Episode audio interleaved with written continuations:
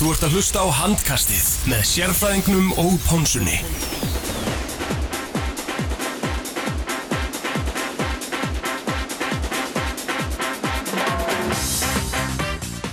Jú, komið sæl og blessuð og velkomin í handkastið á þessu förstudags uh, kvöldi. HM handkastið eins og þetta mun heita næstu vikunar. Það er Pónsaða grænleiski tæknimaðurinn sem að heilsa ykkur hér með mér, sérfræðingurinn sjálfur, Arnardæði Arnarsson og við erum með tvo geggjaða gesti í kvöld. Uh, besti leikmaður rólistildarinnar, svo far Áspjörn Freiriksson, leikmaður FO og Þorgrymur Smári Ólafsson sem að á þann hefur líklega eiga hvað flest félagund í beltinu í, í, af þeir leikmenn sem er að spila deilinni, leikmenn fram, velkomin drengir. Takk fyrir það. Þakkaði fyrir. Hvað, tók ég byrjum á þér. Hvernig, hvað segir þú gott? Ég er bara helviti góður. Góð, Gott fyrstaskvöld að hitta ykkur hérna upp í stúdíói. Eða ekki? Jó Framara þeir eru að æfa fullu ekki? Jú, áfullu, sjálfsög Hmm. Það er sem að gera betur en, en fyrir árum átt Já.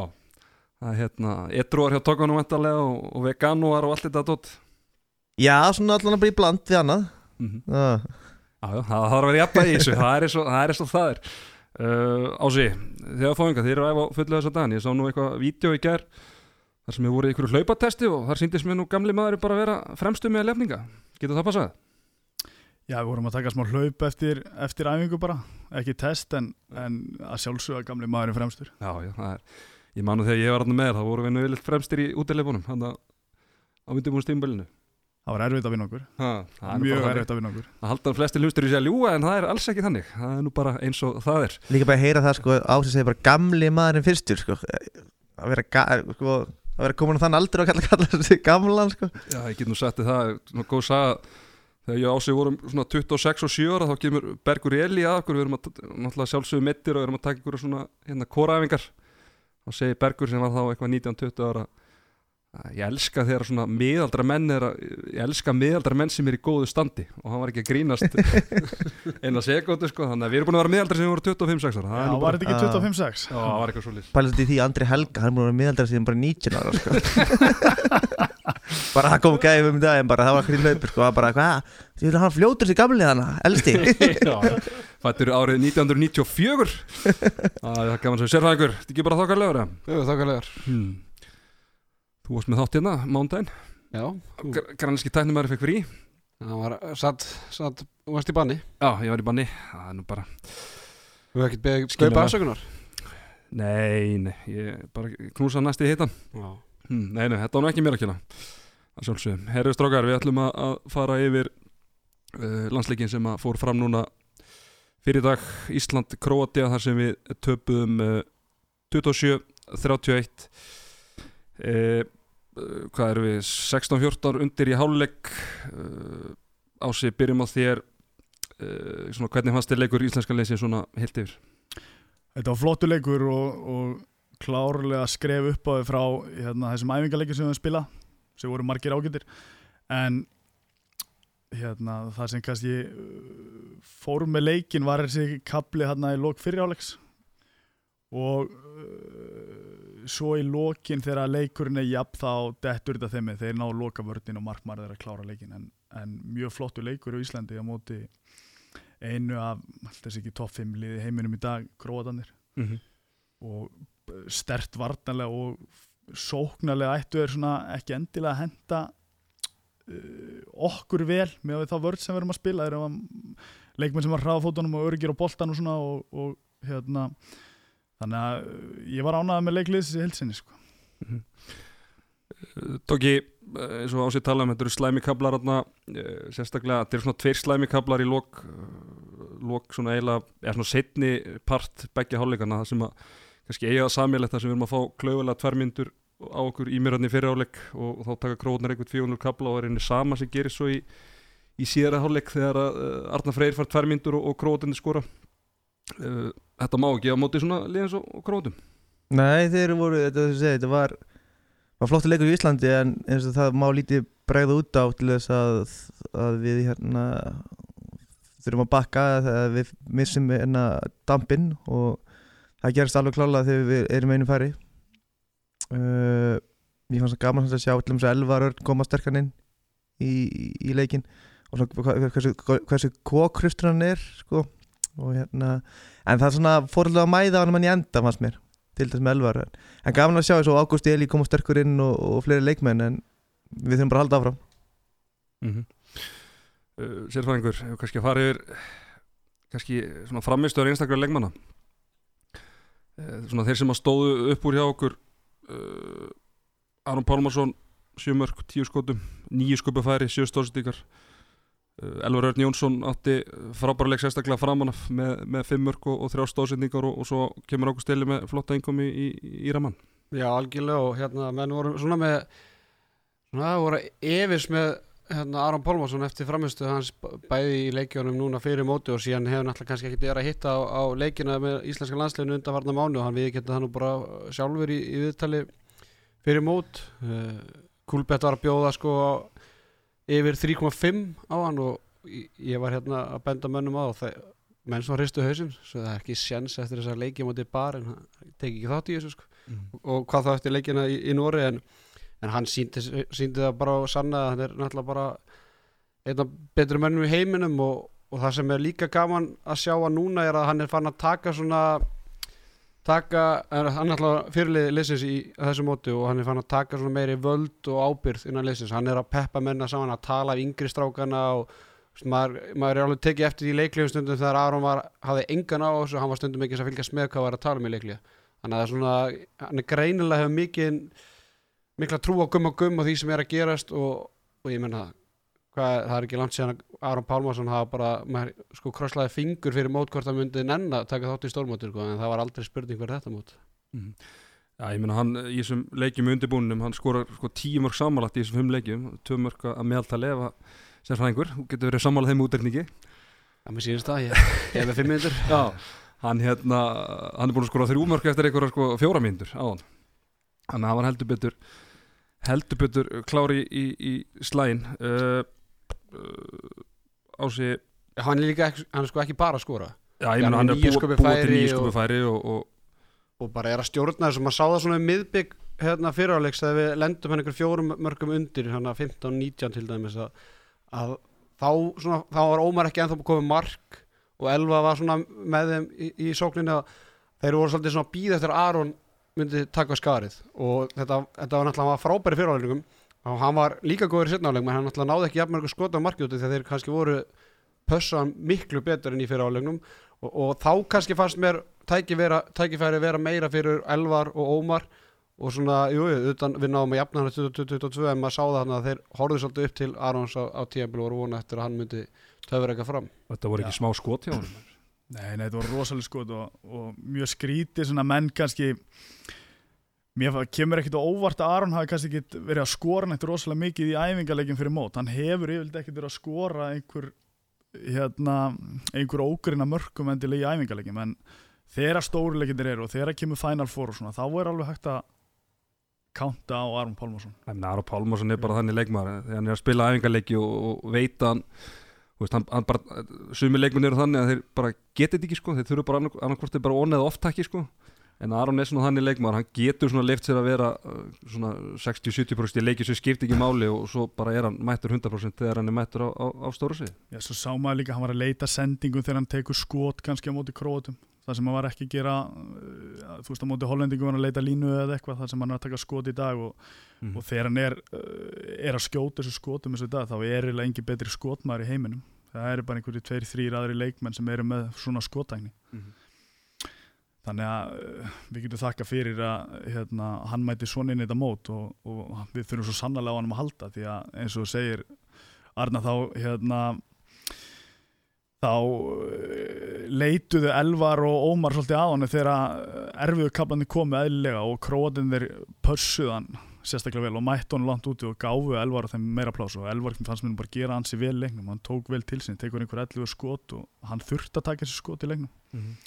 Ómar hefði kannski, hann var mikið að leysa inn sem gera verkum að Elvar var að fá skotan að hæra megin og mögulegan að hæra megin sem hann, sem hann leyst ágætlega en, en maður hefði kannski vilja sjá meira frá Ómari. Talandi um, um þetta kerfið, náttúrulega að taka þarna hvað, þeir tóku Kæró ekki og svo listi Já, Kæró, Kæró svo leysi Ómar inn. Já.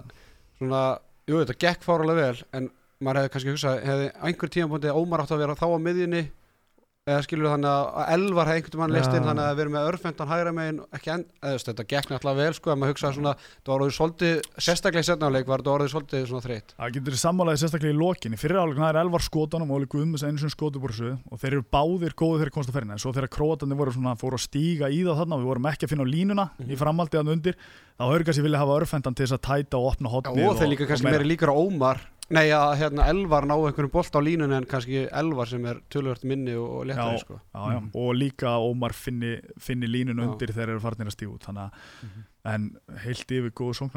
Já, já. Klart mál, uh, ég veit ekki, tóki, ég var stundum bara, uh, minna Aron tekur þessi tíu skot, uh, ég varst oft í fyrirháli þegar hann var svona sjóndi hittur, eins og Ásið var að segja, hann kannski var að taka frekar skot en leita sendingur, mér fannst, uh, sko, hann átti jafnvel svona þrjúfjögur skot inni til viðbótar, sko, hann bara var það hittur og, og, og er hann náttúrulega getur bara skorað nánast bara uh, hvar og hvenær sem er. Já, svo líka mörgur þessu skotum eru bara skot í skrefinu sko, það sem hann er bara að koma á allt í hennu sko, og býst ekki endilega viðninu og svo bara plammar hann yfir sko. Þannig að þessi skot sem hann er að taka eru mjög góð og ótrúlega föst, hvað var það 150 km hraða sem hann náði hérna í einskotinu. Já. ah, Ekki nema Það er nú bara eitt leikmaður, tókið þú út svo einu sem geti mattsað það kannski? já, ég, í dag líka. Já. Tókið Bissa? Ha. Tók ég fattbissa Já, já Herri, Við tökum þetta kannski bara svona leikmann fyrir leikmann Við vorum náttúrulega búin að ræða hans Elvaröld Jónsson e, Fyrsti leikurinn svo stórmóti Það er ekki annað að segja Hann hafi bara uh, staðist prófið og, og, og, og vel það Sérstaklega varnarlega líka. Mm maður vissi að geti skotið á móti þessum, á móti þessum liðum og, og spila góða vörn. Hann var að standa virkilega vel í hann Sindrits og Karasits og þeim sem voru. Sjölöðlega stöðanir Já, og þetta er alveg gæðar Mm. sem hann var að stoppa. Algjörlega, ég meina hann er bara að sína okkur það. Hann er bara klári í hann alþjóðlega klassa og það þarf eitthvað mikið að vera ef hann, ef hann uh, fer ekki út í sumar og jafnvel bara núna í, í janúar. Það er skúpað Já, þú ert með skúp. Ég er með skúp. Já, Já. Það er margir sem vita það að Elvar er eftir svolítið leikmaður og hann er samkvæmt örugum heimildum sérfræðings- sérfræðingsins búinn að skrifa undir samning ok Og hann kemur ekki heim.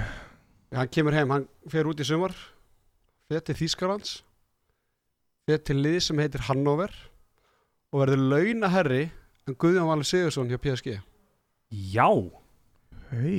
Þetta eru örugar heimildir sko. það er nú eitthvað að fara snúin á reyninginu þá. Tetta, hann, veit, hann kann að semja sko. Já, já, það er, Þannig að Elvar er að til það Hannover er áhugavert.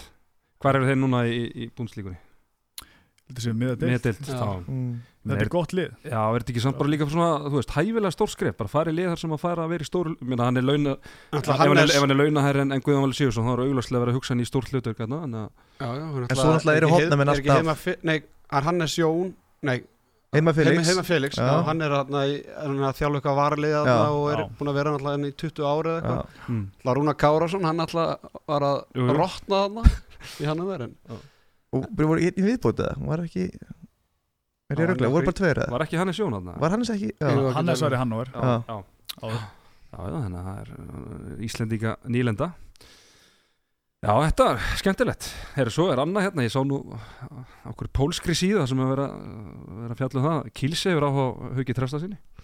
Veit Já. ekki hvort að það séu fyrir eftir Sá þetta akkur á Twitter, Rasmus Rasmus með það. Já, já, nokkulega það var á, held ég á MBL á hann það sem að þessi ágæti maður sagði að það var líka bara eins og hálfa Evrópa og nefndi þá PSG og Flensburg og, og. Kiel held ég og eitthvað, þannig að þetta eru svona þægileg lið sem eru eftir hauki Já, já, það er svona þegar þú ert Það besti- bóðið ég sko. þegar þú ert besti, besti leikmæri heimi ekki í þínum aldursflokki heldur aldursflokknum ofan, fyrir ofan líka þá þá er svona alla líkur að þú fáir ágætis múf sko.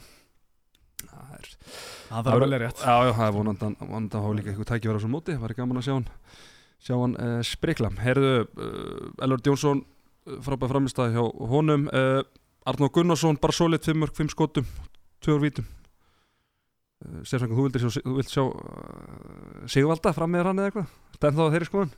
Já, nei, nei eða, jú, ég held að Sigvaldi hann er alveg skora úr sem færum líkt og Arnór. Arnór skora úr sem vítum og hann er náttúrulega bara fyrsti sko, fyrsta vítaskitta eftir að Guðjón Valur hérna hvar á braut og hérna hann hefði líklega verið fyrstum, að ég veit ekki, nei Guðjón Valur hefði potið alltaf verið fyrstur þótt hann hefði ekki átt að skilja þenn en hérna Arnór bara gerði þetta vel, það var þess að þetta úst, eitt færi sem var bara frekar erfitt og náði hann bara vel út fyrir markmanni þarna og, og bara kraftur í honum. Uh, ætla kannski að ræða mikið Bjarkam og Elísson fín faramestu honum en tóku eftir hvað hann, lúkaði þreyttur í svona miðbyggs eða fyriráleiks svona hann fiskaði Já, ví já, eða, já. hann, mætti mikið á hann var svona 5-6 minúta kabla hann klikkar náttúrulega ræðblöpi svo fiskar hann víti, svo skorar hann svo fiskar, eða fintar hann þarna í einu ræðblöpinu Já, fiskaði víti og lá á bakinu og bara svona, já, hvað svona nærmynda á hann sko var ég bara shit þegar hann Var er bara ekki, var ekki líka nýbúið að keira hann tvís og sinni Hann alltaf reynda- að fiska ruðning svona fjórum-fimm sinnum í leiknum og alltaf alltaf á sér vítakasti eða bara eða, eða þeir skoruðu sko. En það var svona Ég voru ekki mikið fyrir að dæma ruðning Túnis sko, dómarði Nei, frá Túnis maður getur verið að dæma, hann fór náttúrulega bara í jólafriði sem hann var í fríi í, í janúar sko. Já. Hann var bara með þér á danska tóki og, og njóta lífsins sko. Ha. en þetta er svona þetta er, það eru vendingar í þessu. Herri Strágar, Ómar Ingi Magnússon hann uh, skora þrjú mörg voru þau ekki öll í, í setnáleik allan að tvö svona- í uh, þegar setnjáleiku var nýbyrjar og hann var ekki komin á blað uh, hann ákveður að skilja Rúna Kárasson eftir. Bara uh, og það voru einhverjar sögursagnir um að, um að það hafi verið meðsli en mér skilst að það hafi bara verið út af hversu slagur hann var í, í, í Nóri í Noregs leikjónum, eða þarna í æfingamótin Nóri ákveður taka uh, Teit Örn Einarsson með og sem spilar ekki mínútu. Hefðan, ég veit ekki sko, ef þú ert að taka leikmann og, og, og treystur um ekki þó að hinn, þú veist, Ómar var ekki að gera neitt og treystir ekki teiti til að koma inn í fimm mínútur þú veist, er eitthvað, eitthvað pointi að taka þá á annar bór, hefði ekki Rúna alltaf komið inn allan í 57 mínútur þarna í, á þessu kapla þarna í lok fyrir áleiks eða, Jú, og svo náttúrulega velur hann sko Arnenberg í 20 mannhópin tekur teit með í lokahópin og hvað er svona kilur, hvað af hverju gerist það? Er það já, vilja sjá Arnenbergi ég meina fyrst hann treystir ekki teiti af hverju taka þá ekki bara Arnenbergi og hafa einn svona gæja sem er bara alveg snarrauglar og tilbúin að fara í all in í hvað sem er sko. Já. Það hefur nú ekki samt ekki þurft að hvetja teitnið sérstaklega til að skjóta þannig að nei, nei, en ég er samt uh, svona í fyrri hálfleika og svona hálf vorkindi maður ómar í því, vera í því hlutverki sko, þegar hann svona þurft að koma sér inn í leikina það tekur eitt skot snemma í kontakt það sem hann bara í kontakt við 110 kg mann og markmari verða vel og þá svona fekk hann aldrei tækifæri til þess að koma sjálfur sér inn í leikin hann fær aldrei þetta svona auðvelda mark sem hann kannski þurfti og fekk hann til setna og fylgdu tvömörki fram. Það var bara hann- hann Já, tíma sko. hann var að Svo tók hann eitt skot í lok fyrir áleiks þar sem hendi var uppi þarna fram hjá nær, næstönginu Já. en hérna varandi þetta að ég held að þetta snúist ekkert endilega um sko, jú, Rúnar hefði pottit komið inn á hann, bara pottit en ég held að þetta þeir sé að hugsa þetta tölvert lengra en bara þetta mót þetta er náttúrulega háum, við erum að fara að mæta bara inn á Japan og ég get alveg að lofa ykkur því að Teitur fær 10-15 Mm. mínútur í þeim leikjum og þá ertu búinn að blóðka mannin og þá er hann kannski eh, ekki kannski, hann er bara með meiri reynslu þá á næsta EM því að þú blóðkar ekkert mikið menn á EM þar sem allir leikir eru bara upp á en það, það verður er- alls, alls í ekki seint í ferlinu samt þar sem þeir komast að þessari niðurstu þar sem þeir taka Rúna með til Já, já, Noregs þeir og, ætla og, alltaf- þeir, og hún hefur greiðlega bara verið að mati þjálfara teimisins bara fyrir neðan allar hellur fyrst þeir ákveða að taka bara í dreynslumestamann liðsins og, og ákveða, ákveða skilin eftir heima svona sint í, í, í ferlinu. Kannski við tökum þessu umræðu bara í Rúna skarratninu á eftir. En það er með, með teit, sko, þá er teitur ekki verið á æfingun ef ég skilja Já, rétt bara bara, já, tvær æfingar sem hann nær eða hann tveir dagar sem hann nær fyrir mót og, og svo þessi dagur úti dagur eða tveir sem er ná Já. úti. Þannig að hann hefur ekki tekið margar æfingar þannig að eðlilega held ég að hann fái bara fleiri tækifæri eftir sér líður á mótið. Mhm. Og við vitum líka hvað við höfum í honum. Það er svona betri varnamar heldur en hérna, ég held að það sé sterkari vörn heldur en Ómar, þá áttur Ómar hafi komið mér aðeins á hérna, greinilega tekið framförum varnarlega frá því, miklum. frá því fyrra. Já. og bara sem leikmar þegar hann fór í Álaborg. Mm -hmm.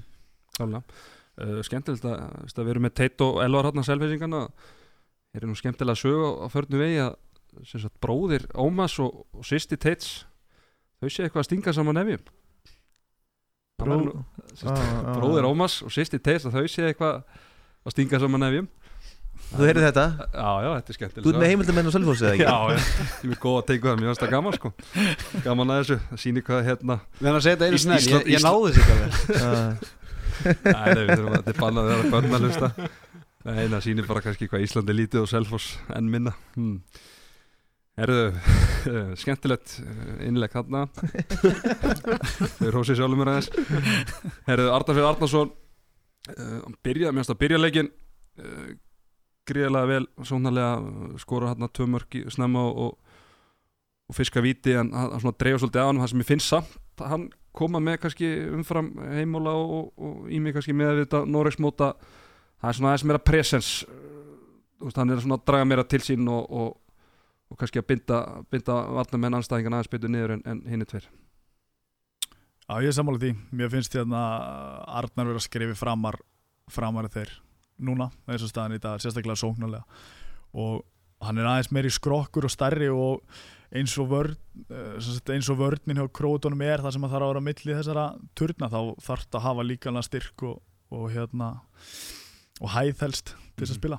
Já, og ég meina hann er bara komin í bara gaman að sjá, hann er búin að mann fannst það svona að vera komin á þann stað var aðeins farin að, að stað, svona framþróun hjá hann var aðeins farin að staðna en svo finnst mér hún aftur að fara að stað svona undarfærið árið að svo hann er að spila vel í mestaradildinu með Kristján Stad í, í, í vetur og, og ég meina hann er bara komin í svona svona líkamlega bara komin í alþjóðlegan klassa, það er rosalega skrokkur hann svona, hann, oft svolítið styrpusarlegu kannski, hann kannski má vinna þessi í, í, fínrhefingunum en, en uh, þetta er klálega leikmann sem er á, á réttri leið á sínu ferli og er náttúrulega að fara til Danmarkur í, í sumar. Já, sterkari deild. Já, algjörlega, það er svona Pyrra mig kannski aðeins að þetta færi þarna sem að klikkar það skýtur beint í fótinn á, Já, og þegar og- hann þrönga færinu þarna. Nei, bara um miðbygg hann bara áfa beint upp og skýtur á fyrsta já, og bara í nær og ég meina markmann þurfti ekki eins að gera neitt til að vera boltan sko. Þannig að þetta er kannski einhver svona skot sem markmann á Íslandi myndu nú bara borga fyrir að fá einhvern tímann. En, en hérna bara, st, jú, auðvitað og þetta er náttúrulega línumar nummer eitt hjá okkur og, og, og verður það. Uh, svona fyrst við erum byrjað að tala um hérna línumarstöðuna og, og þá verður náttúrulega minnast á, á Ími þessar tvær mjöndir sem hann fær hann í, í, í miðbegg fyriráleiks þegar hvað við erum 14-11 yfir og, við fáum sko, þrjúmarka á okkur á þessum tveim mjöndarkabla og svo bæta, bætast tvömarki viðbót og þeir komast í, í 16-14 Mm. það var rosalega klauvarett brot og þetta er svona típist brot sem hann hefði tekið í ólisleitinni og þeim hefði ekki verið valur hefði ekki verið refsa svona ríkala Nei. fyrir en þú ert komin á svona skilur standard þá bara þetta er ekki hægt við maður gæði bara komið fram hjá hann og hann eitthvað svona pússar í, í hliðina á hann og algjörlega sko. taktlaust. Æ, ég meina hann það bara að læra og, veist, og, og, og þá líka þetta gerist líka í setniháleik þegar ég man ekki hvað það var ég, og það kom nærmynd að Björgun Gustafs var að tala við hann á, á bekkni, ég man ekki hvað það, Mér var fannst samt svona moment í fyrir það sem ég held að vera það sem Dunjak uh, kemur í árásáun og hann er svona maður heldur að segja að fara að teika hann sko. Og þá svona það gera, gera vel sko sleppur háréttu momentið þannig að hann svona þú veist hann er náttúrulega bara ungur og er, að- er að læra en, en uh, þetta er bara eins og við talaðum á hann þetta er bara bannað þessu leveli sko þetta er bara allt og dýrt. Það held að Elvar hafa gert þetta eins og í setniháleik líka ef, ef, ef ég man Já, rétt. Svo náttúrulega Arna Freyr hann þegar, þegar þeir nákvæða kaplanum í setna áleg þegar Já, línum ég var það Arnar Freyr, já, já, já, já, þeir og- teikar hann hann Björgun kom hann til hans og já, já, akkurat. Akkurat eh, já, við erum búin að ræða í mig hann kannski spila ekki mikið frekar Nóla Gummisson sem kemur hann inn og, og, og skorar eh, eitt mark og tveir skotum. Þeir rættu það hérna í háinstofunni á Rúf eh, Lói Gesson talaði um að hún finnist finnst skrítið að taka Aron út af á á akkurat þessu mómenti sem verður 14-11 yfir þá setur hann Óla Gummisson inn á en ég minna þarf ekki alltaf eitthvað staðar að kvíla kvíla mannin Jú, en það getur verið spurning hvort að það sem Lógi vantilega meina og ég skildi hann fullkomlega og var eiginlega sammála er að, er að þarna ertu með svona tak á leiknum og ég hef viljað sjá Aron klára hálfleikin og svo kannski hefur hann verið döð þreyttur og hefur bara þurft hann að pásu en ég hef viljað sjá hann klára hálfleikin og svo hefði hann geta verið í stuttir skiptingu í byrjun setni hálfleiks. Mm. eða fengi pásun í hálfleik, byrja fyrstu fimm og verið svo í stuttir skiptingu sem hann var. Já. eins og Ómar Ingi er rauninni allan leikin þar sem hann er í skiptingu og þess vegna kannski þurfi ekkert að vera rótir og örfendi leikmannum þar sem við erum búin að ákveða að hann sé í skiptingu og, og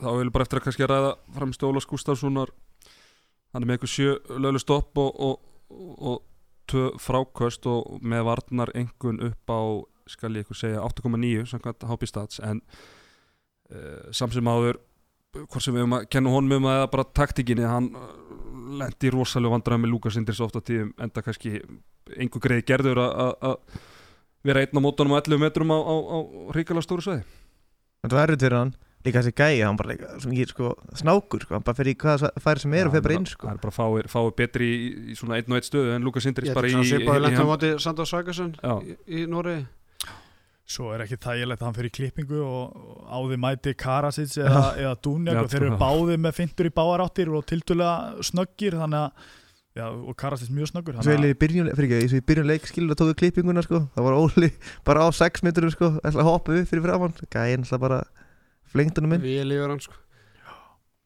Já, þetta var, þetta var erfitt og en, en þú veist, við náum sam- eins og í Norið og náum við fullt af fríkostum og hérna þetta er svona, vant alltaf hestlu munin Við stjótt verið að ná fríkustónum, kannski 2-3 en svo bara þú kemur fjóraða tilurinn og þá við að gala opnast oft Það var- það vantar bara einbendingu ofta, ofta tíðum að halda, halda út eftir að hafa ná kannski 2-3 en fríkustónum það tekur bara svo ótrúlega mikið á að vera bara alltaf í fríkostunum sko. Þannig að þá bara er eitthvað í, í heilan og að manni sem bara slag, slakar á í eina sekund og þá er þetta bara búið sko. Þessi, þessi liður er líka tilbúin í þessa vörð sem við erum að spila væntalega, vel undirbúin þannig að Mm. þau vita alveg að það geta komið sóknir sem er 2-3 fríkust og króatin er einhvern veginn stressuðst aldrei upp þeir bara tóku fríkust og settu strax í kerfi og önnur árás. Mhm. Og svo var einn skýt saman að koma annað fríkast bara tóku þér aðra árás og þeir gerðu það og rósaðan fyrir það, þeir gerðu það virkilega vel. Eh, Klárt mál. Eh, Sko Ef við hórum á hana leik bara svona heilstætt þá getum við kannski sagt að, að, varnarleikun hafi svona einhverju leiti verið orðið okkar að falli. Að spila á móti heimsklassa liði en uh, það sem ég var að velta fyrir mig við erum gríðalega aggressífir þessi uh, 6-0 eða, og, í rauninni sem við þrýstum upp í 3-3 í rauninni þegar kemur innleysing eða hvernig það er. Uh, mættu ekki vera með eitthvað fleiri, svona, fleiri varnar afbreyði Við veist einhvern veginn vera rosalega svona formfastir og, og, og svona íhaldsamir á, á, á þessa verð og bara eins og við sáum til dæmis þegar þið farið í 7 og 6 á okkur og við verðum aðeins passívar þá einhvern veginn e, svona kemur meira öryggi í varnarleikin og, og, og við erum svona á að díla betur við, við krótana Þetta er náttúrulega bara uh, gummi gummi spesial og, og þegar þú ert þjálfari og ert búin að festa á einhver þína vörð þá bara treystur á hana sama hvað og þú bara veist, að, að fara að breyta vörð fyrir gumma gum þá, er- þá getur alveg bara kasta hvítið hanglaðinu sko. Veist, þá ertu bara búin að segja, segja hennar búin að gefast upp sko. þannig að hann þetta er bara gummi gum og hann spilar þessa vörð og sérstaklega með íslenska landsliðinu og, og ég held að hann vilja freka bara eða meiri tími í þetta og, og, og tapa einu með einu leik og, og hann hefur bara trú á að þessi vörð minni virka eftir 23 ár Hann er ekki minnist plan B eða það Ég held ekki, eða það Nei, það held Nei. ég ekki Ég meni við verðum að passi bara að því við neðust til þess þegar þið farið fari 7 og 6 og, og, og erum að díla uh, mjög, mjög vel við það en, en er nótt þannig að farið 7 og 6 að, að þá verða það svona passívari og, og það getur verið ofta auðvöldar að bara eiga það heldur en að spila, spila 6 og 6 en ég veit ekki, mér er kannski vilja sjá, sjá það prófa að vera aðeins passívari eftir þann góða kabla Ágúst Eli var að finna sig vel í markinu og, og, og svo framvis Já, við hefðum alveg geta gert það en ég, ég er samt hérna held að uh, þegar þeir fari 6 og 6 aftur að þá eru þau bara miklu árásagjartari heldunni þegar þeir eru 7 og 6 að þrátt fyrir að við hefum verið passívar þá þá hefði ekki gengið jafnvel en maður veit aldrei hvort það hefði verið betra heldunni þegar hún fara út í 3-3 Þú veist, þ- við fáum aldrei sör við því en, en þetta er svona að skiptum vörð getur bara verið eins og að skiptum markmann. Þetta getur verið bara svona nýtt uppaf og gefið einhver svona 2-3 auka bolta í röð þegar hitliði verður eitthvað óörd því að kemur bara eitthvað nýtt í gang og maður kannski saknar þess að, að, að það sé þegar þetta er ekki ganga því að það fer ekkit lið í gegnum heilt móta á þess að vörnni brotning tjón þá getur verið gott að fá bara nýtt start en þú þarfst ekki að missa trú á konseptinu fyrir vikið sko. þannig að maður kannski aðeins uh, eða myndi vilja sjá það en þú veist Gu- Gummi er frábæð þjálfari og hefur náð árangur þegar hann er trúr sínu og, og hérna, hann er mjög erfitt að vera að gaggrína það eitthvað en, en manni finnst svona að gæti verið gott á ákveðin tímapunktum að breytum vörn Ég er náttúrulega eftir að tala um Markus Markuslega, já.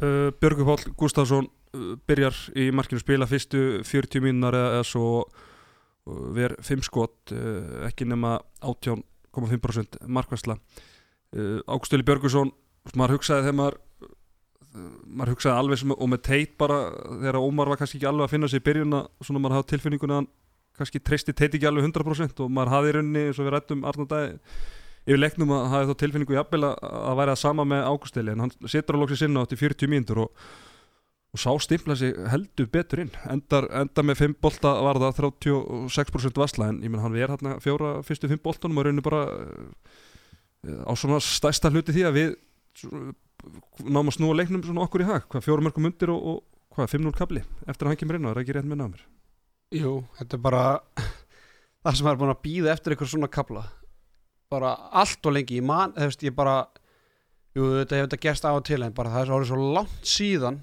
að við mátt ekkert markmann sem bara ég er ekki að segja það að Gústi sé bara að fara að verja núna bara í öllum leikjum sko, en bara kemur inn á og loka bara ramann Veist, það, maður sá það bara á Gústa eftir að hann var að fyrsta boltan og annar boltan að hann var að verja næsta bolta. Svo fær hann í hausin og við erum þarna að fara á hérna, Slatko Horvat í hotninu bara, bara þótt þetta hefur verið smá Já. kæruleys- kæruleysislegt hjá hann og þá var náttúrulega þarf maður að verja þetta og undir þetta skoti sem hann nær þarna með splittinu og þetta var bara að vissi að hann var í stuðu þegar hann tók hann heil meir í sendingun á, á Bjarkamá sem sko, hefði klúðrast í sko, 39 hverju 40 skiptum þetta var svo galinn hugmynd sko.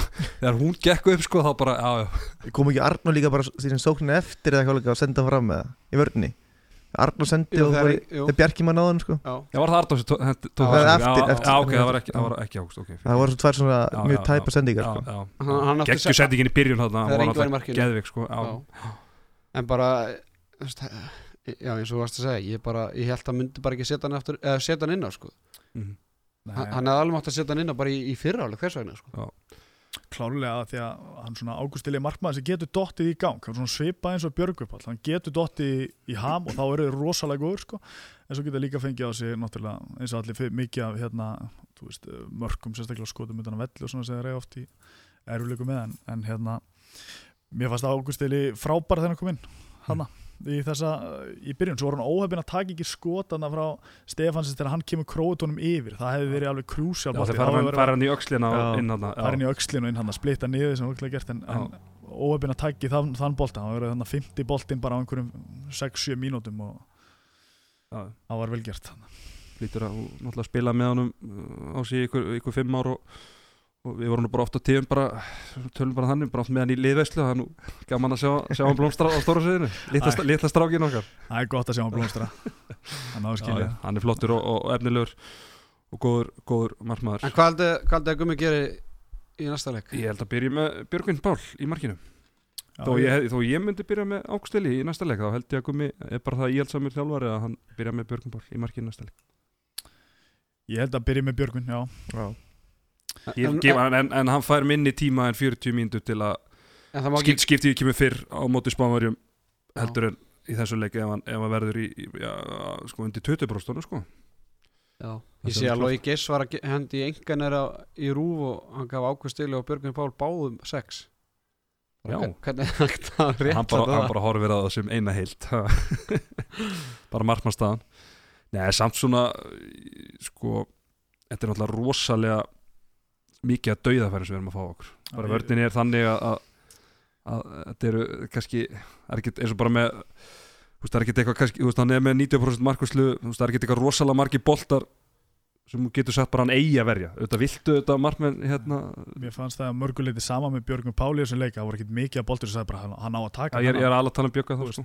en það var að sami águstili eftir Já. að hann veri þessa boltan í byrjun. Hann veri, held ég var alltaf skot senstu tíu mínútunar Já. en það er hann líka bara að fá á sig nána stöðafæri eða skot í kontakt það sem er í rauninni verið að fara að dæma fríkast sem er líka skot. já, þeir eru mjög góður í kontakt man, ég tek svona aðalega bara eftir hvað Gummi Gummi er oft svektur eftir, eftir að fá marka á okkur.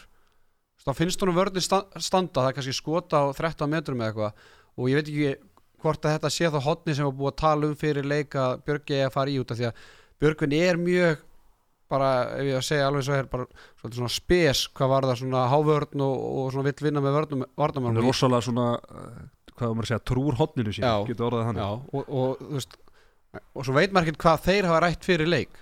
Þú veist, er, er Bjöggi að fara út úr þeirri takti sem var búið að tala um fyrir leik og eitthvað? Því að mér skummi stundum alveg sérstaklega svona sár eða fúll tekur um hausin á sér skilur skot á 13-14 metrum sem veist, þá er eins og veist, það er ekki að Bjöggi hafi væri hann inn eða eitthvað Bjöggi bara átti ekki séns eða skilur hann bara mér hotn fannst það eða ekkit- bíðandi allt og lengi það var nú bara ekkert mikið af þannig mörkum. Þetta var, Nei, ég finnst þetta rosalega mikið af mörkum bara, þú veist, eða voru skutunar á velli þá einhvern veginn var engin vörn eða þú veist, hjálp í vörninni, það og var að klippa okkur sundur og, mörk á Stefansins það sem kemur klipping og það er engi blokk. Já. þú veist, hann er, hann er langt yfir þeim sem er að blokka þeir eru að halda varnamun ná að kera varnamun niður. 6-7 metrum Óli Gústa endar einn og einn á einhvern af þessu snöggu á- út á stóru sæð og er teimtur út á sæðin og Stefans fer upp á hann á, á einhverju þar sem hann er á 7 metrum og, Já. Og það er engin varnamæður sem er að blokka hann þegar hann er komin inn á, Nei, inn á hann er yfir- hann er- hann er- 89 metrana. Ólaður Gustafsson er hávaksin Stefán sýtt á okkur að 4-5 cm á hann sko hann átti líka svakalit markaðna þegar hann klíndi honum í skeitin hann í kontakt undir hann Undir þetta Skeiti nær, ertu að tala um það? eða? já, Já Var það ekki, var ekki Ágúst eða þá í markinu eða? Jó, eh, ég, man, ég sá ekki hver er markinu sko. Já, ég bara að það var sá bara þetta skot í skeitin hann. hann, Stefansi, hann fekk 10 sjóknarrengun á Hobby Stats og maður var sko miklu hrættarunni fyrir leikin um hvernig þetta okkur tækist að díla við Sindrits og, og Karasits og Dúnjak sko. en mm -hmm. svo var hann frábær í leiknu sko. þannig að þá var þetta orðið helvít erfitt hérna varnarlega Klart mál, uh, heyrðu strókar, er eitthvað nokkuð meir um þennan, þennan leika að að segja? Nei, kannski bara, bara aðeins að tala um framistu Króatana Já. náttúrulega hann var frábær og hérna, fyndi Og, og þeir bara sérstaklega Stefansis og, og Lukas Sindri Já, bara báðir Lúkarnir. Já, Lukarnir, þeir voru gjössalega frábæri bara unnanleik. Svo var það góði varnarlega þannig að Dúnjak fyrir framann senstu tíu Já. kortir þá svona kvikna í honum hann þegar Bjarki Már fekk fríkastið Já, og þeir eru alltaf að villast Já, hann var allt vittlust og hann var brjálar og hann fannst mér einhvern veginn kvikna honum varnarlega og hann svona, hann gerði okkur aðeins erfitt fyrir hann í lokin. Já, erfitt að spila á móti þessari vörni undir pressu hann greinlega ég meina hann, hann er þessi hvað á maður að segja, þessi IBO-afförðun sem við fengið eh, svona köllegin á Íslandi, hún er náttúrulega bara búin til hann þannig að það fá þessi spilda betur en, en, en þessar júkað þjóður, króatarnir og, En- og svo framins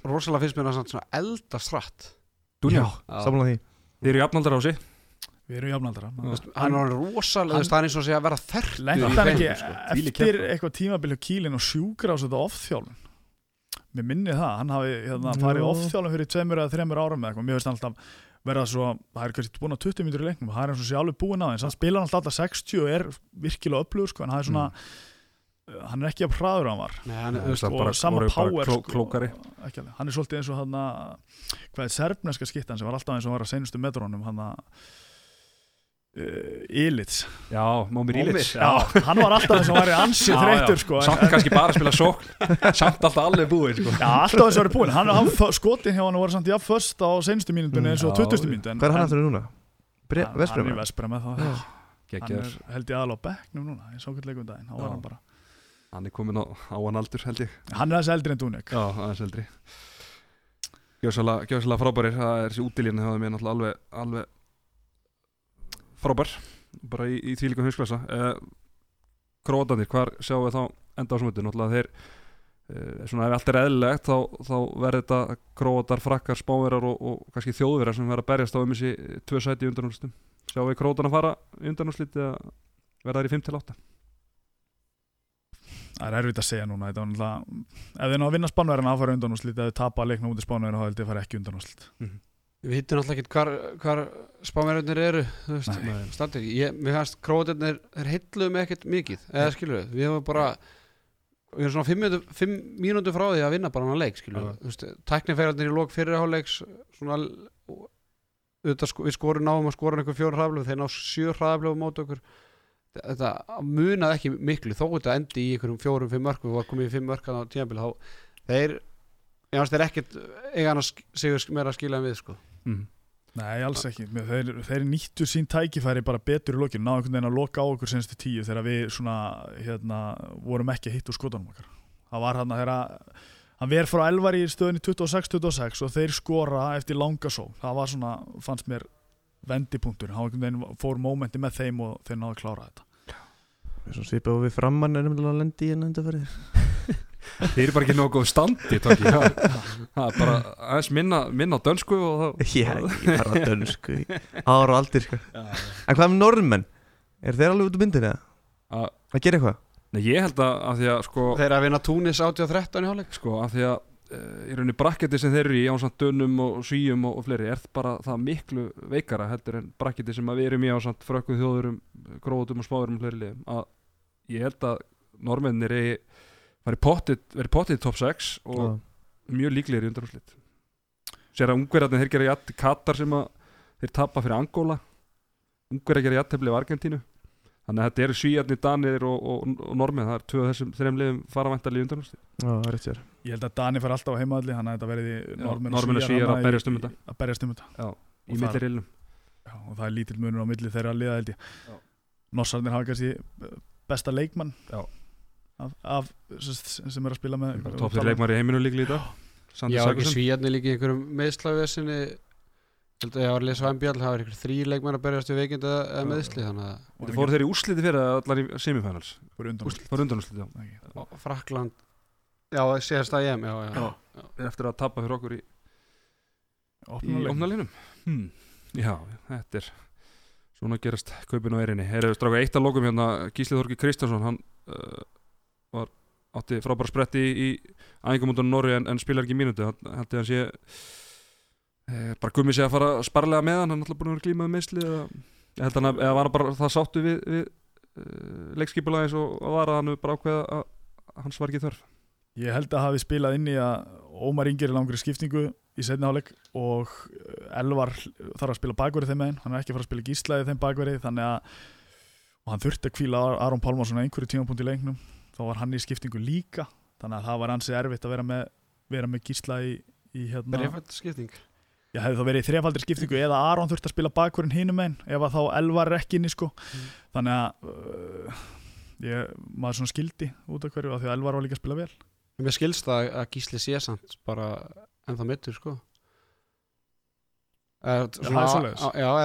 hann, hann er ekki mittur, hann, hann bara er ítla við að skjóta, hann getur ekki beitt sér alveglega og hann er farin að beit, eða, þú veist, hann er farin að beita sér öðruvís í skotunum og þannig er ennþá alltaf teipaður í, í kringum öxlina og, og olbúan, hann að mér skilst hann sé ekki 100% sko Nei, ég veit að ég hef ekki séð hann nú vel sko, hann talaði einhvern tjónum hann væri, væri að verða 100% þannig mm. í haust og hann hann sem margir mánuður sko. síðan Klart mál, heyrðu, stráka, það er búið að uh, spila nokkura leiki. Spáverðarnir þeir eru að vinna núna barinn með fimmörkum, 16-11 kannski aðeins minni, minni munir en maður bjóstu og, eins og vartum það að lána normin að vinna Túnis 18-13 Frakkarnir að vinna Brassana 16-13 Svíjarnir Egipta 13-11 og Argentina, það kannski voru aðtilsir úslit, Argentina eins og tala um Argentina, Ungarland 25-25 og Angola vinnur Katar, hvað er að gerast með Katar? Peningarnir, oljupeningur er bara farin í HM í fótbolta 2022 eða- eða borga heimi Hallgríms launin? Í Al-Arabi sko maður veit ekkert um lið Angola og ég veit voðalega lítið um lið Katar annað heldur en þetta heimsmeistar mót uh, senast 2015 já. þannig að já fyrir fjórum árum. Já. þannig að maður veit ekki alveg hvaða leikmenn eru þarna núna maður er ekki að horfa á Katar reglulega. Nei. Þannig að maður veit lítið um það. En svona Argentin hefur oft verið með uh, þokkal hlið og er með hann leikmann en ekki Montpellier hann að Simone þannig að þannig að þeir eru alveg geta stríkt ungverjum sem eru svona kannski brotatir en kemur hann samt óvart að ungverja vinna ekki þann leik. Nei. Já, Mikið- ég, mikið ég, ég hérna verða að segja alveg svo verið, ég er svona ég held að Kata sé ekki jafn sterkir og þeir voru fyrir fjórum árum Nei, og, það alltaf allt og líka- eh, þeir voru ágættir á hérna, þar senasta, H- eða, senasta HM fyrir tveimur árum. Já. en þetta er náttúrulega bara mjög óvænt úrslit. Þetta er Angola, það eru þínu menn í Afríku. Já, ég uh, var búinn að ákveða að þeir eru mínu menn hann í fósetabyggandum en, en það getur nú bara vel verið að þeir fari bara í milliriðil og fari ekki í fósetabyggandum en ég hugsa í gær eftir þess að leiki hann í opnarleikin að Danmörk, Síle og, og Þískaland, hvað var það? Þískaland, Suður Kórea. Þískaland, Kórea þá hugsaði ég bara júvöld er þetta leðilegt maður. Þá hugsaði ég bara ég hef stakk upp á Twitter skort þetta þyrfti að vera breyta fyrirkomulega bara eins og er í mistardeldinni þannig að það eru kannski einhverju tveir riðilar sem væri sterkari og þá færi fleiri lið áfram úr þeim riðilum og svo væri kannski einhverju tveir riðilar sem væri veikari og þá færi færri lið áfram úr þeim leik Mm. Kannski- kannski- alltaf Tól sterkustu liðin í 2-6 liða riðlum eða eitthvað Já. og, fjögur eftir áfram en, en ef við hugsun svona um gæði úrslítaleikjana er þá ekki ágætt að þessi lið fái svona léttaleikin á milli þar sem þú færi að rúlla á liðinu og, og þannig að þetta sé ekki bara tíu hörku leikir jú, jú, að því við fáum alltaf á hverjum degi þá eru hérna veist það er alltaf lið þrjú, fjögur, fimm neða þrjú, fjögur og, og, og tvö kannski að spila innbyrðis í þessum, í þessum reyðlum þannig að við fáum alltaf einhverja skemmtilega leiki og svo náttúrulega komin á milli í reyðlakefni við erum að fornungur í það kannski að horfa einn Þískaland, Kóru eða eitthvað. Já, ég bara að hugsa svona bara gæð, eða svona fyrir íþróttina bara. Fyrir íþróttina bara og fyrir þá þessi litlu lið að, að þá fengið það kannski aðeins fleiri jafnari leiki eða eitthvað sko, þetta er bara ég, maður, ég held að, að hann verið að segja hérna Einar Örn eða, Þorkild Gunnar var lýsið gæra að Chile hafi unni Grænland í framlengtu leik til að komast að háa með eitthvað sko, Já. þú veist. Ekalunga Kristjansen, var hann, var hann með grænlendingum eða? Fyrir það? Hver er það? Það er Eka, hann var æðið með mér í FH í, í gamla dag Já, hann var með grænska Hálfur grænlendingur og hálfur íslendingur. Ha. Hann er, hann var alltaf í grænlenskan landsliðinu allavega Það er hann rætt að auðvitað því. Já, já, já, mást þú ekki eftir Eka á segja? Jó, ég man eftir hún Mikil Tópmaður, tópmaður, heyri uh, Þannig til við tökum upp uh, næsta þátt þá er við spáverana á sundaginn og uh, hvað er ekki bara eina á, á mándaginn uh, kannski lítum tölum kannski lítum en að barleika en, en ef við horfum á, á, á spáverana hvað við einhverja möguleika í, í, í á móti þeim? Ég hef ekki séð spánverðina nógu mikið til að, til að segja það. Þeir hafa verið að vinna leiki samfærandi en, en hann eitthvað að skoða, hafa ekki verið að spila móti svona freka slökum liða í undirbúningum. Mhm. Þannig að þetta er kannski ekki alveg marktækt. En spánverðin eru alltaf með hörku lið og við þurfum að eiga algjöran, algjöran toppleik og jafnvel betri leikheldur í dag. Já, við þurfum að eiga betri leikheldur í dag. Helst eftir leik til þess að vinna þá. En eins og segi, þá, maður vissilega meir um króatíska liði heldur en spán, spænska liði núna allavega allavega ég sko Já, nú stærri kannski fl- fleiri svona- þekkt nöfn Já, fleiri þetta nöfn en, en spáverðin kannski með svona stærri og, og, breiðari hóp svona jafnara líka kannski þeir eru alltaf með, það er hann að Dúsi Bæf og Er ekki vinnu þinn í markinu, Teddy? Jú, Vargas já, Við áttum hérna gott samtal á Final Four hann í Köln fyrir tveim árum Það fyrir með það líka sko Hvað sér við? Manstu þú hittir hann hana? Já. Manstu þú svona, er nú ekki sáttið með þig hana? Nei, nei, ég er bara bent árum á það að, að hann hafi tapað fyrir um daginn Það var ekki ánað með það ha. Svo var ég sattur sko í Barcelona bara núna í mæi seinar sko Fer ég út á okkur sushi stað Var að borða sushi með vinni minn Svo svona kemur gæi hlýla mér Ég er að horfa á hann Og er það bara vargas mættur Og ég kann bara Það er bara sælinur Hvað er maður ekki eftir mér að þetta? Hola. You know Teddy, Teddy is my friend. Það var ekki á, ég var vinsalega að spila hérna einhverjum bróður að segja frænda sig eitthvað bara um að drulla mér í byrtu Já. Varstu á hlýrabólum? Á tandur hérna í spænsku. Herru, nei, þetta var, þetta, hérna, þetta var svona síðla kvöld Þannig að ég var komin í, Ah, okay. komin í lettaran ok, ha. Já, já, Það eru gaman í kvölin í vormaður Uss. Þeir að fara? Já, já Hvernig kemst maður í hérna potti á okkur? Já, þetta er alltaf að útskýra það. Og færi það bara, ef við ekki að tala eins um spánuleikin og, og Já, ég hef ekkert um hann að spánalega Ég er bara að tala um Final Four og, og Ég er spenntið við hvaða lækleiki get unni til að koma með okkur Já, Herru, við vinnum bara spáverðina, það er ekkert meira, meira um það að segja. Herru, uh, já. Við ætlum að kynna nýjasta leikinn hjá, hjá Kulbett Sérfæðingur, þú kannski hérna, aðstofa með að skýra frá sig Þetta er basically þannig að það þarf að veðja á uh, Hverju vera heimsmeistarar? Verið lágmark 10 eurur Lámark 10 Já, lámark 10 eurur uh, bet. Áður en að reyðlakefninni líkur Já, þá þarf að veðja á.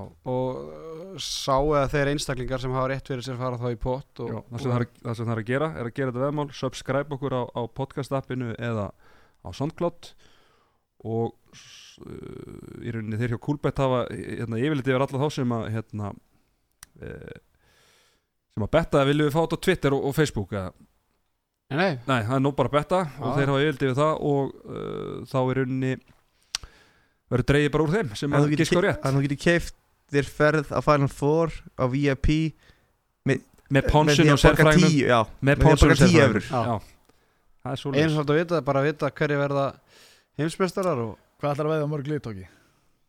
Yeah, það, ég, já, það meðan þú getur gert það eins og oft þú vilt ef þú- verður og jafnmörg glíð og þú ert búin að spila með þá ertu nú bara komin langlegina með þetta held ég. já, ég meina, þá ertu alltaf í pottin ég segi það. Er að- Dræði þið ekki út eða? Hvernig er það? Það er ekki hægt að hafa þannig við dröfum út. Alveg eins og Mm. við dróum út senast. Að hérna drófi Foreldrar hjón, á- hjón á besta aldri að Já, ég þekki þau, þau nú.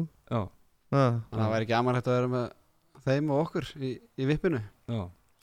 En allavega, þetta er ekki yfir þetta aftur þegar að fara á, uh, byrja á að subscribe á handkastið á subscribe handkastið á podcast appinu eða Soundcloud, já, eða bara bæði.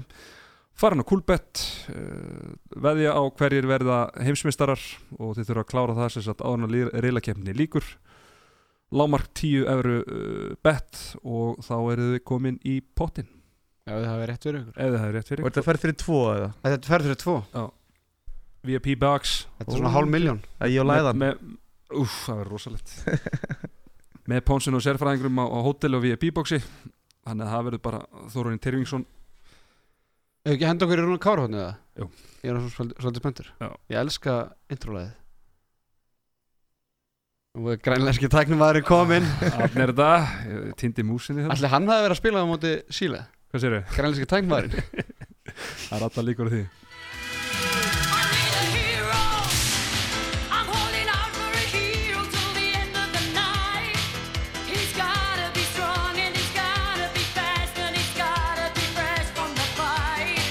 Já, já, já, já, já, já, já, já, það er komið upp á alls Hodni hlustenda, Rúna Skára hodni Við tókum við Rúna Skára hodni þegar Gaupið var hérna hjá okkur En því miður þá mun svo upptaka aldrei líta dagsins ljós. Já, bara sem betur fyrr Já, sem betur fer. Uh, Þar sem að reyndar uh, Já, Gaupi vorum báðir 100% á því að hann færi með til Þýskalands Enda þrátt þrátt, þrátt, fyrir, að- þrátt fyrir að hafa kannski ekki átt sína bestu leiki á Norrismótinu en Rúnars Kárahotni við erum nú oft, oftast reynd að hafa þetta á jákvæða nótum en það er búið að vera uh, erfiðir síðast, síðustu, dag, síðustu dagar hjá Rúnari. Já, ég senast að þætti þá og sko náttúrulega auðvitað til hamingi með 100. landsleikin Já. sem var á móti Hollandi uh, vonandi var þetta ekki seinasti landsleikur Rúnars ef ég þekki Rúnar rétt þá er hann bara búin að vera í, í gimmun og taka aukaðingar alla vikun eftir að hann var ekki valinn og hérna hann hendi í, í góða mynd og, og smá svona texta á Instagram við mælum endilega með því, Rúnar Kárásson á, á Instagram Viltu lesa hann? herðu, hann var svolítið langur ég, svo er ég náttúrulega ekki alveg læs.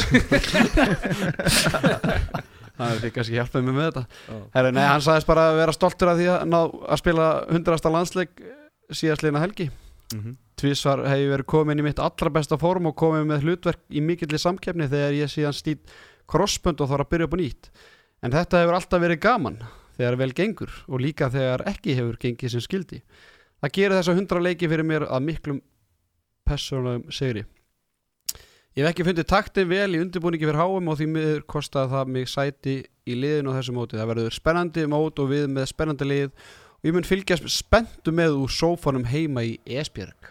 Þetta er fallegt að Veistu hvernig sófan á í Esbjörg? Uh, ja, þetta er Ylva, eh, er já. Já, svona tungusófi. Já, svona tungusofi Já. Já, ég, var, ég, var, að- ég var að hendi læka á þessu mynd Þetta Þú bendir Einar. Það er ég Einar að læka þetta Hrafnsson á líka. Ég ætla að læka þetta líka. Einar Ingi Hrafnsson bendir á hérna Ég skor á minn mann RK og halda sér í leikæfingu og léttum á fæti verður kallarinn fyrir en seinna skrítið val Já. Já, já, Hann ég, ætla á þrjú sæti, það má kalla Já, hann þrjá já. menni það ekki Já, Ég get alveg trúið því að hann kallir Rúnar það er svona uh, sko ástæða fyrir að maður var einhvern veginn þó hann hafi uh, verið slagur á þessu móti að ástæða fyrir að ég og Kaupi vorum báður á því að, að hann myndi samt sem að fara er í rauninni bara uh, bara hversu lítið hann er búin að nota Teitt og, og Arnarbyrgi og, uh, og rauninni svo litla reynsla sem þeir hafa. Ég menna hann svona veit allan hvað hann í rauninni fær frá, frá Rúnari að geta leist ákveðna stöður og, og, þú veist að geta spila hann líka. Hann þarf ekki, það þarf ekki að skipta honum á milli uh, varnar og sóknar en, en, en þeir mjög greinlega bara misbúið það mikið í þjálfarunum þjálfar teimin úti að, að, að það kostaði að setjast í, í liðinu Ég, ég bara, ég, ég er svo miður mín yfir þessu vali að ég ætlaði bara ekki að tjá mig um þetta, sko. Nei, nei. Ási, hvað, þetta var sjokkur Þetta kom á óvart af því að hann hérna teitur ekki æfingónum og Arna Birkir uh, líklega ekki myndinni fyrst að teitur tengið fram með hann allavega eftir þess æfingar þannig að það kom á óvart að, að klárlega teitur skildi vera tekin, tekin fram með hann og, og Rúna nýtist er klárlega í ákveðnum hérna, þráttur hann ekki á sína bestu leiki og nýtist það í ákveðnum hérna svona situasjónum í, í sóknarleik til dæmis eins og múti krótum sem kannski liggja til til aftalega í þessari júkavörn og, og bjóðaði skot en, en teitur er, er uh, kannski meiri svona framtíðar framtíða maður og ef þú ert að byrja með ómaringa inn á hvort er að hann er maður nummer eitt þá kannski skilum maður að hann taki, taki teit fram með hann og, og að því að teiturinn og hann er að spila í meistarðildinu með mjög sterkur liði í Svíþjóð og hérna og góðu varnarlega líka.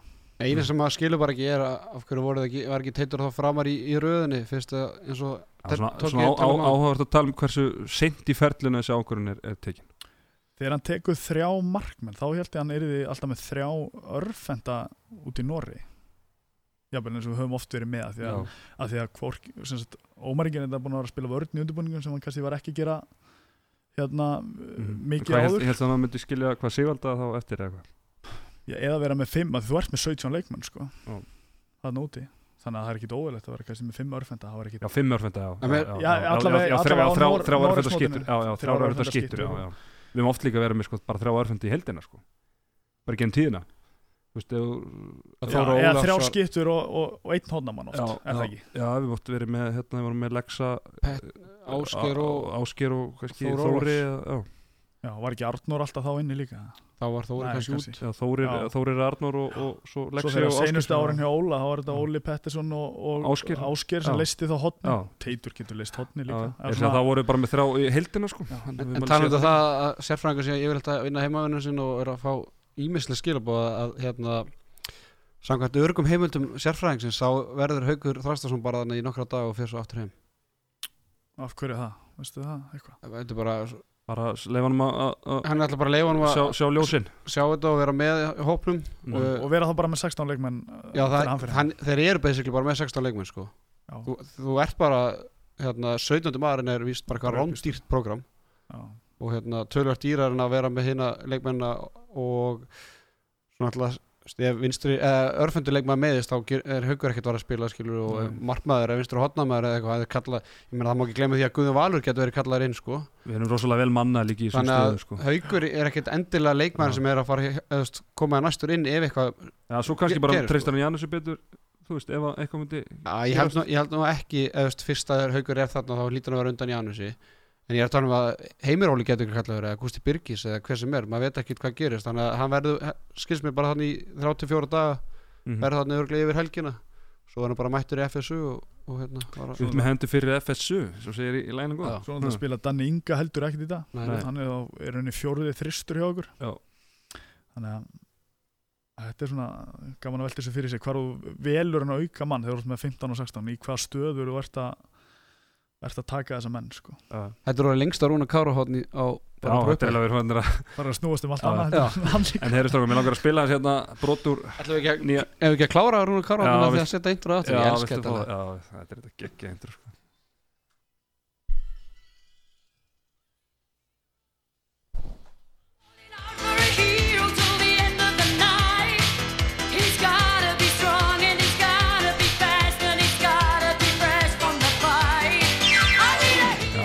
Grænleiski í teski eins og, eins og alltaf. Er, Þetta var eh, lengsta Rúnar Kára, Rúnar Kára hotnið hinga til. Eh, Erum stráka, við sturum byrjar í, í að spila lögum Við langar að spila brotur hérna nýja HM-læginu með, með eh, Dominic Klein. Með Dominic Klein, þó ekki hotnamenninu knáma sem spilaði nú með Kíli þetta? Ekki, svo, ha, er hann ekki að syngja? Þetta er ekki hann, þetta var alnafnas Því miður. En við ætlum að spila smá brotur þessu higher, we can do whatever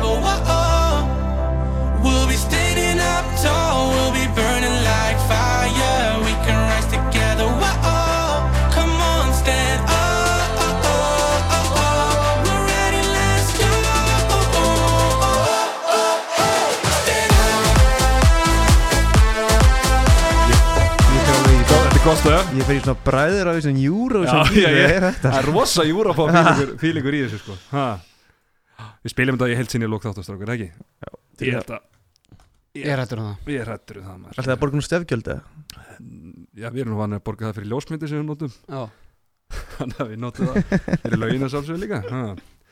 Við erum alltaf borguð til samfélagsins Það er bara okkar, okkar motto Herðu, við erum með vorum með tvo leikið það ekki, sérfæðingur Jú, við vorum með, vorum með leik og það sem við spurðum einfallega bara hvað Þorgrunur Smári Ólafsson hefur leikið mörgum eh, félögum á, í ferli sínum. Bæði á Facebook og Twitter og við höfum dreigið út og vinningshafinn fær glaðning frá, frá Coolbet. Ekki að, ekki að hérna, Lega Topka. Já, opera hvað eru mörg? Já, þess að Við vorum yfir þetta í gær. Já, Þetta eru sjölið tókst það pásu eða? Nei, ég var svona að vera í gær, já, er ég búinn að spila um sjöl? Já, ég er búinn að spila um sjöl já, með þetta, sko. En málega þetta er alltaf svo fyndið sko Þegar ég fæ þetta svona, þetta joke svona Já, ég fæ þetta fjóru svona joke fjóru mjög dag. oft Fjóru sko. sem á dag Og þetta er alltaf, já, fyndið hjá einstaklega sem vera að segja þetta joke um og Ég er alltaf bara að tekta átt í, í umræðinu They're sko. great comedy. Já, þetta er svo svipað joke of skilur með Góðspruna og svona dæmi sem við skilur sem festast bara við mann, sko. Já, við erum búin að fara yfir það alveg þessum Já, það. Það festast bara við mann, skilur Já. Ég meina, það, maður það bara að eiga þetta, ég veit að allt eitt mitt líf mun ég vera að kalla þessi, tók ég liðahóra og En svo er líka önnur umræða kannski hversu óttu þú falli líka Það er svona önnur- ég fæ- fallið tvisar Já, að það er ekki oftar Já, Nei, ég það alveg- það er alveg fullt af leikmenn sem hafa fallið tvisar, sko. Já ég falli tvisar sem þetta Já, Hversu oft hefur fallið fyrir Við áfengi? Já, það var hérna, ég var átján ári í F og eitthvað, það var fækkað þarna úr 14 í 8 Já, já, Það er náttúrulega, það er fall samt, já fjallir sexlið og svo með fjölinni núna síðast. Já, þannig við erum bara í Já. svipara tölu Já, við erum svipaði þar. En ég er svolítið ekki að spila með sjölum, hefur teltu upp hvað liðið þetta eru? Og ég telja þið bát. Já, Já, þetta er hérna, ég byrjaði í ég Svo Mm. fór ég í gróttu. Gróttu fór ég í val Fekk elskir hjá Óla Steff í Þú varst, þú varst, að spila kortir í fyrir og kortir í setni eða ekki? Já, það var þannig að valdi mér sem fyrirlega Ég var fyrst í fyrirlega Óla Steff sko Svo var hann búin að taka bandið á mér, á mér í desember Og bara með maður að kíkja bara í háká sko. Það var ekki verið það sko ha. Þannig að hann braut það sem hægt var að brjóta sko. Ég, sagði þarna Ég, ég bóknið brotnaði ekki sko og Svo tók það bandið sko. Hann mölbrotnaði ég bara Svo fór ég háká að fjalli með þeim. Aha. Svo fór ég í fram og átti bara mjög gott tímbil í fram. Og ákvaði að fara hérna til Norex. Rúka til Runar, Já. Senni fjör og þar var ég í ár. Og svo kem ég heim aftur. Hugsaði að ég ætla að gera gott mót og kíkja í Mósesbæðin Gerði Nei. glæ, glæsilegt mót þar Já, ekki svo mikið það, ég var bara hætt eftir, eftir þrjá mánu og að ég meni, ég, Þurftur að fara að slýsa og láta plokka flýsarnar úr, úr rassinu já, ég vann mér fyrsta byggarindar í meistara meistarana sko. Það var mikið fagnað þá í, Mósusbænum En svo fekk ég að fara aftur út til Runar Sannifjörði í, í tvo mánuði að láni mm -hmm. sem var bara mjög skemmtilegt líka Já. og svo kom ég aftur í fram og hefur verið í fram og já, ég endi bara ekki fram en ég aldrei segja aldrei Nei, sko Það er ekki hægt á því sko. Já, Það er nýtt félag eftir þetta hann er samt búin að, þú veist, hann er búin að gifta sinni fram líka. Það er svona, ég trúi Já, þessu núna. Þannig að ég, ég trúi á klári fyrir landa Já, já, ég menna, maður veit ekki ég menna, ég gott að vera herra fram með eitthvað skilur, er það ekki eitthvað sem ég er að sækjast eftir eða? Jó, nákvæmlega. Er það ekki hérna rauðarið hérna fótballtamann Hvað da, daði Já, já, já. Yngvar Óla Ingvar Óla. Já, Yngvar Óla Það hann er var- herra fram sko Tók ég átt ekki séðan sér hann Já, hvað get ég verið þá svona handbólta með? Ég held að vera Bara herra- allsstaðar. Hotnamarinn á norðan hann Já, Óli Óli. Óli Óli Óli að fara að þanga fyrst og- Óheli, óheli, óheli Þetta er rauklast á Ólum Herra, allstaðar, ég fær það við nefni Sigurverðin í, þessum leik Hann heitir uh, Sigurur Egil Karlsson Já, hotnamaðurinn knái. Hotnamaðurinn knái. Já, já, hann er oft í, í crossfit, þetta er tómaður Háká hann, er spilað með Háká og spilaði með stjörninu núna síðast eða ekki Já, í ólistöldinni fyrra, eitthvað allan fyrir áramót. Já. Hann er hérna, lungin, lungin hotnamaður Já, já, svo vorum annar leik þar sem við innfallega spurðum að því hver er því markaðasti leikmaður Íslands gegn Króatíu. Já.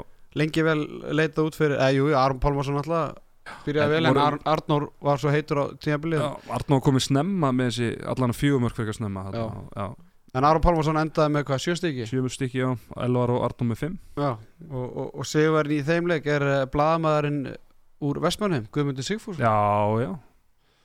Það er hann að þeir Hann fá vitnar oft í handkasti í, í, ég ánægð með það þegar hann er að taka viðtöl við þjálfara leikmenn eftir leiki og vittar hann oft í eitthvað bull sem eitthvað blamir eitthvað sem sérfræðingur.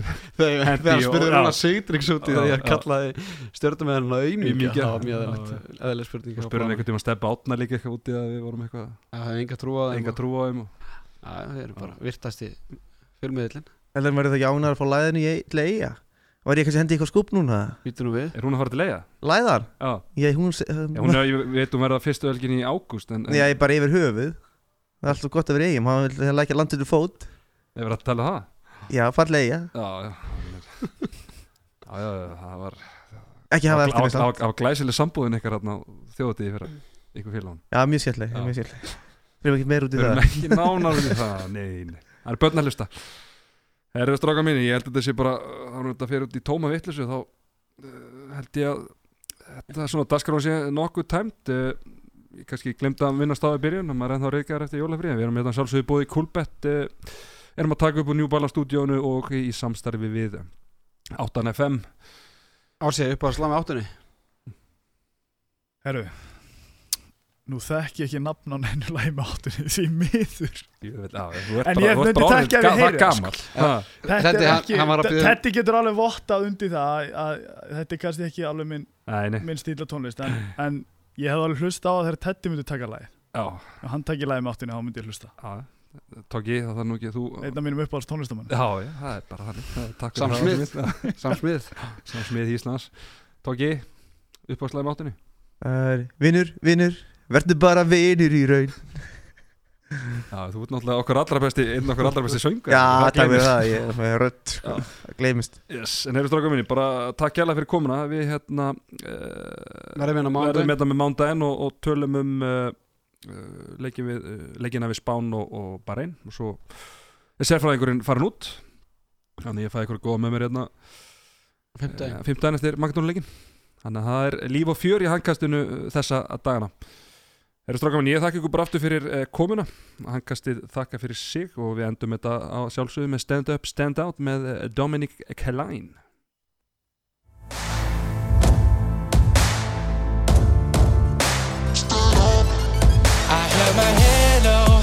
kept my voice down. I had to go through fire to fight. I kept my focus, was moving cautious until I knew the time was right. We're not shooting down low when the stakes get higher. We